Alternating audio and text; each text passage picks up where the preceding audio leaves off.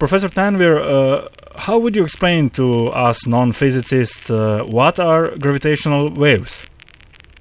Gravitational waves, and this is a subtle and difficult idea that many physicists also struggle to understand, they are tremors in space, or strictly speaking, in space-time. So slight wobbles which propagate through the universe, and if there was no matter there, you wouldn't realize they were happening. But if, if you have matter there, then these waves will effectively uh, cause it to move, and uh, very small amounts, and so they transmit energy through through the universe um, as as ripples really in um, in in the fabric of space time, and th- that idea is a, is an idea which only became meaningful when Einstein developed the general theory of relativity. Prior to that, no one had any conception that space had a sort of structure in a sense.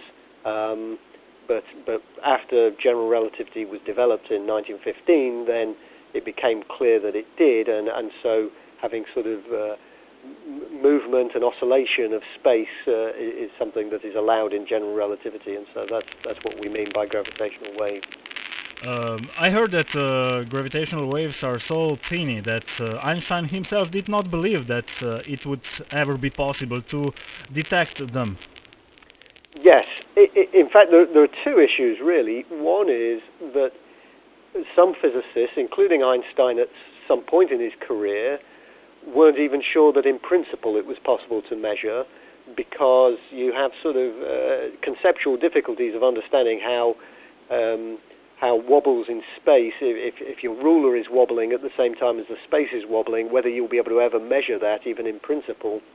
It's now established that in principle, yes, you you can measure it, and then the problem becomes a practical one because the the oscillations are so incredibly tiny, even from a dramatic event such as merging black holes, which produce put a lot of energy into gravitational waves, but nonetheless the uh, the size of the wobble that's produced on the Earth by a passing gravitational wave is extremely small, and really quite beyond uh, the uh, uh the technological uh, dreams. I think in the 1950s, when Einstein would have been thinking about this, even in the 1970s and 1980s, it was a long way from.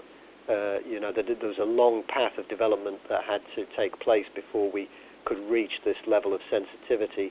And so it, it does seem almost magical, to be honest, even even now the uh, the precision that they are able to achieve.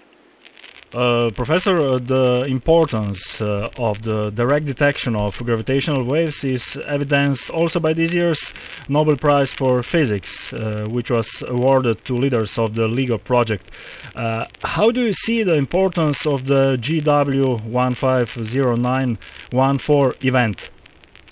So, that first detection in 2015, I think, was the real breakthrough because it obviously was the confirmation of a prediction which was, you know, nearly 100 years old that uh, gravitational waves should exist, and obviously people had been working on building the detectors to detect such waves for nearly 50 years.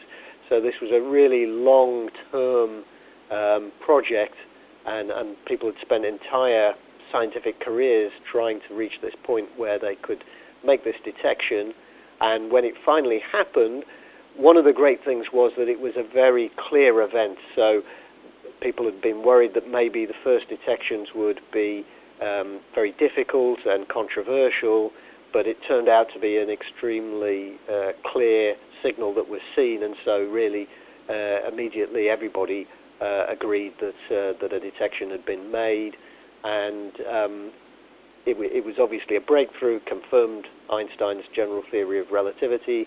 I think one could contrast that if, if no detection was made, then that would have been um, very uh, difficult for the theory because uh, the people would have then wondered whether or not there was a fundamental flaw in the theory. If, if LIGO had observed for some years, let's say, and never seen anything, um, once it had reached this high level of sensitivity, then that that would have been a real problem for uh, for physics. Of course, that itself would have been an interesting problem, but uh, obviously at the moment it's it's a big success that physics was right.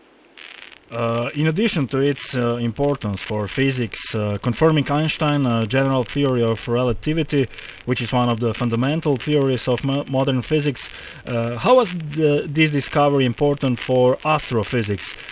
Did we learn anything new about the universe? Yes. So the the early detections with LIGO were of binary black hole systems, so where you have two black holes merging together. And that immediately taught us something that was surprising to many astrophysicists, which is the, the number of very large black holes that are merging together. So these black holes, we think, have been uh, created when massive stars have died at the end of their lives. And if you get a pair of massive stars that are close together, uh, they, they each maybe form a black hole, and then eventually, after millions and millions of years, they uh, they collide, and that produces the gravitational waves. But people had not expected to find so the, so many of these big black holes uh, undergoing these kind of collisions and mergers, and so that needed us then to revisit our ideas about massive stars and to try to understand why there are so many, and so it's it's already even in just the space of two years has generated a whole uh, sort of new field of research into ways of producing uh, massive black holes in, in in binary pairs that then go on to merge, and so it, it's kind of feeding into our understanding of how uh, the biggest and most massive stars evolve and are formed. Uh, yes, uh, on Monday uh, there was a big press conference of LIGO and Virgo collaboration and collaborators of uh, many observatories worldwide, at which you announced important new discovery on August 17. Uh, gravitational waves produced in a binary neutron star merger were detected. But uh, first, what is neutron star? So a neutron star you could think of as being the sort of final stage of matter before you created a black hole. So um, a neutron star is created in a supernova explosion. So that's where you, you have a massive star. At the end of its life, the central parts of the star sort of collapse into a very dense nugget, and the outer parts of the star explode into space. And the density of that neutron star remnant is so high that it's something like a billion trillion times more dense than material that we're used to and familiar with. So it's where all of the atoms have been crushed together so that principally you're left with just neutrons, which are fundamental particles which can be squeezed very close together. And so uh, the, the net result is you, you have this object which is maybe more than the mass of the whole sun, but in a, compressed into a ball that is just a, a few kilometers across. And that obviously means, because of the very high densities, that there's an extremely strong gravitational field. Um, and so that's associated with very high energy events because uh, that strong uh, gravitational field, if you release some of it, it can uh, release a great deal of energy. And a, a black hole is essentially just one step further where uh, the density becomes so great that space-time kind of uh, collapses on itself, and uh, and that produces an even more exotic object, the black hole. Um, but neutron stars are important, and in a sense, in, different from black holes because you can still get matter out of a neutron star. So although it's compressed uh, to a very high degree, it's still possible to disrupt a neutron star. Obviously, a, a black hole it's not possible uh, to do that with. Uh, Professor, uh, why is the detection of the last uh, GV uh, GW event so important? Uh, there have been about 50 scientific papers already published about it, with more than 10 of them in journals such as Science, Nature, and Nature Astronomy. Yeah, so it's a really key, important event for several reasons, actually. One is that it opens up a new field of astronomy, and uh, where we, we put together information from gravitational waves with information that we get from normal forms of light, like optical light, infrared, ultraviolet, X-rays, and radio. And so by having all of those different ways of studying an object or a, a cataclysmic explosion in this case, it means we can understand much more about it. It's like getting a completely different view. Perhaps you could compare it to if you were a, a doctor or a physician, if you uh, are trying to diagnose what's wrong with somebody and you have access to x-rays which tell you about what's happening inside as well at the same time as you can examine them from the outside, then of course you get a much more complete picture. And it's, it's a kind of similar situation here. Uh, so in that sense it opens up a new field of astronomy it's also true that this particular event has taught us um, something which we've we've long suspected, but it seems to be now proven by this case, which is that these mergers of, of neutron stars create heavy elements, elements which uh, include familiar elements like gold and platinum and uranium, which otherwise we weren't sure where they were produced in the universe, and, th- and therefore their origin in that sense remained a mystery. Of course, we don't think it's mysterious, we think we find gold in the Earth, but the question is the Earth had to form itself out of gas in space billions of years ago, and so that gas must have had all of those elements in it before the Earth was even formed. And what astronomers had struggled for decades really is to understand where all of those elements came from, and particularly those heavy elements sort of at the bottom of the periodic table. Uh, yes, but uh, did you expect that neutron star merger will produce also light? And if so, uh, what kinds of wavelengths of the light? So that's an interesting story, really, because we did expect neutron star mergers to produce light. People had speculated that would be uh, the case for quite a long time um, because you you expect that when you get the merger, some of the neutron star material is ripped out of the, the neutron star and then creates an explosion. And so we expected that there would be uh, light there. However, the theories, um, once they were developed and became more sophisticated, suggested the light might be largely infrared light rather than optical light. Uh, in this case, we, we detected both optical and infrared, and so that's at some level a bit of a bit of a surprise. It's a sort of good surprise because it means it suggests that in the future it's going to be much easier to study these objects and we can learn more about them if we can find more examples uh, in the future. Um, the other kind of light that we expected to see in some cases was high energy light, which is to say gamma rays and X rays. Um, but we thought that would be rare only in cases where uh, we happen to be looking from a very particular direction at the um, at the, the merger. Um, and th- that's been long expected because we, we think we see in the distant universe similar mergers that produce things that we call gamma ray bursts, flashes of, of very high energy light, gamma rays. Um, but because they're t- so far away, they're, they're much harder to study. This one was relatively close to us and so is much easier to study. And to everyone's surprise, we did detect gamma rays in this case. We, we thought it might only be, you know, perhaps one in a hundred mergers would give rise to gamma rays.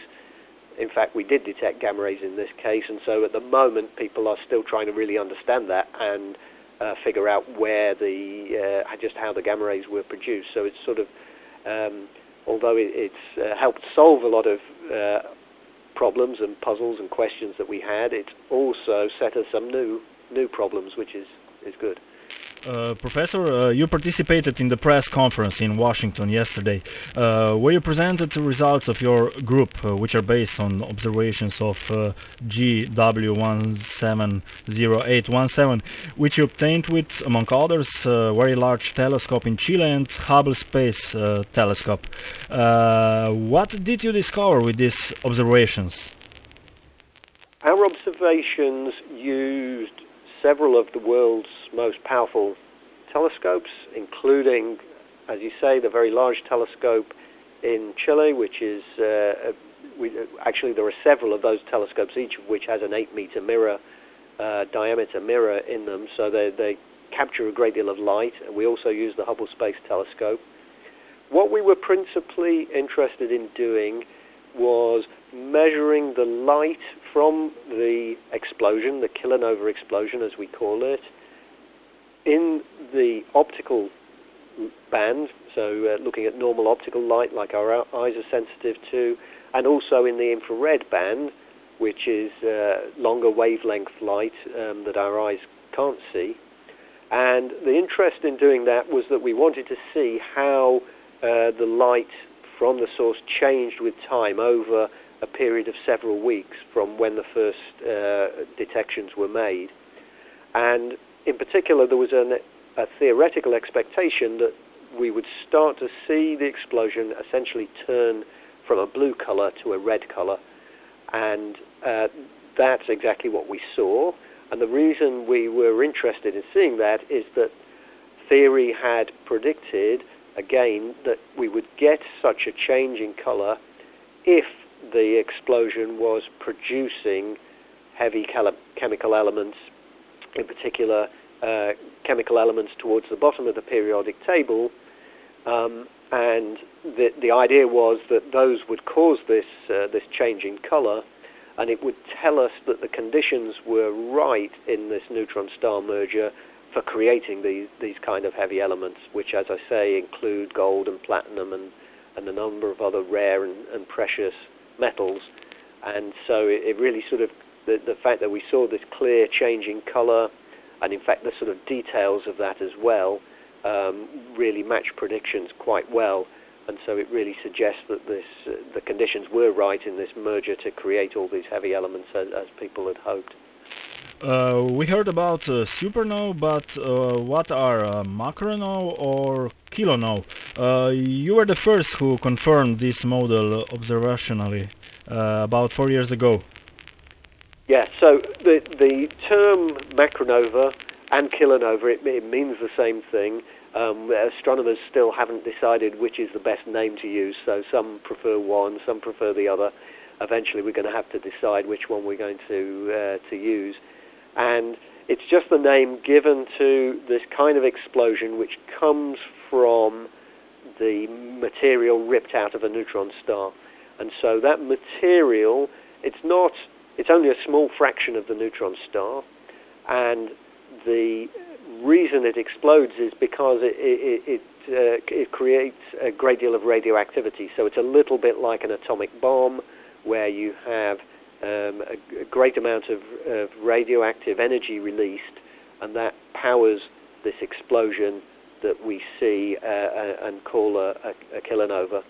Um, now, the first indications that kilonovae might exist. The first observations of something that looked like a kilonova were made actually several years ago by my team. We were looking then at a gamma ray burst which had happened, and we detected light which seemed to be, um, as you would expect from a kilonova, after the gamma ray burst had gone off. So the gamma ray burst is quite a bright source of light, but as the gamma ray burst light faded, we saw uh, another um, explosion happening, um, which we thought was a kilonova. Now, the, the, the truth is that was a, a much um, less certain detection. So I think what has changed with the most recent uh, developments are that we've gone from a situation where we, we thought we'd seen a kilonova, but we weren't really sure, uh, to a situation in which uh, it's now, uh, you know, quite definitively confirmed, and so it's a much more um, confident situation that we're in now. Professor Tanvir, a slightly non-scientific question for Ant. Uh, how was it to participate in a press conference for such an extraordinary discovery as was this yesterday? Uh, some people already call it the discovery of the year. Uh, what was the atmosphere like? Uh, how does it feel to be a part of such a global effort? The atmosphere at the press conference and preparing for it, I think, was uh, was very excited. Um, people were very happy uh, to be to part of the story and to be telling their story. Um, I think uh, this excitement has been around now ever since the event happened. So basically, for for two months, uh, we've been, you know, uh, building up our excitement, um, trying to gather the data, analyze the data, understand the implications, and so it was really great to get together with other representatives of who had brought different pieces of the jigsaw together uh, and to be able to tell our stories. I think it's probably true to say that in those situations, your mind is is also concentrating on on communicating that excitement to other people. So, in a sense, um, you're you're focusing on on uh, on putting on a good show uh, and trying to impress on on people who are watching and the journalists. Uh, you know how important you think uh, the developments are, how, how exciting the science is, and how excited we all were. Um, I guess probably it's one of those things which, in a way, you will reflect on in, in years to come and, and have maybe a, a develop a better understanding of your own feelings then. Uh, because I guess at the time you're sort of carried away with it, and um, and as I say, focusing on trying to uh, to convey uh, the excitement to other people.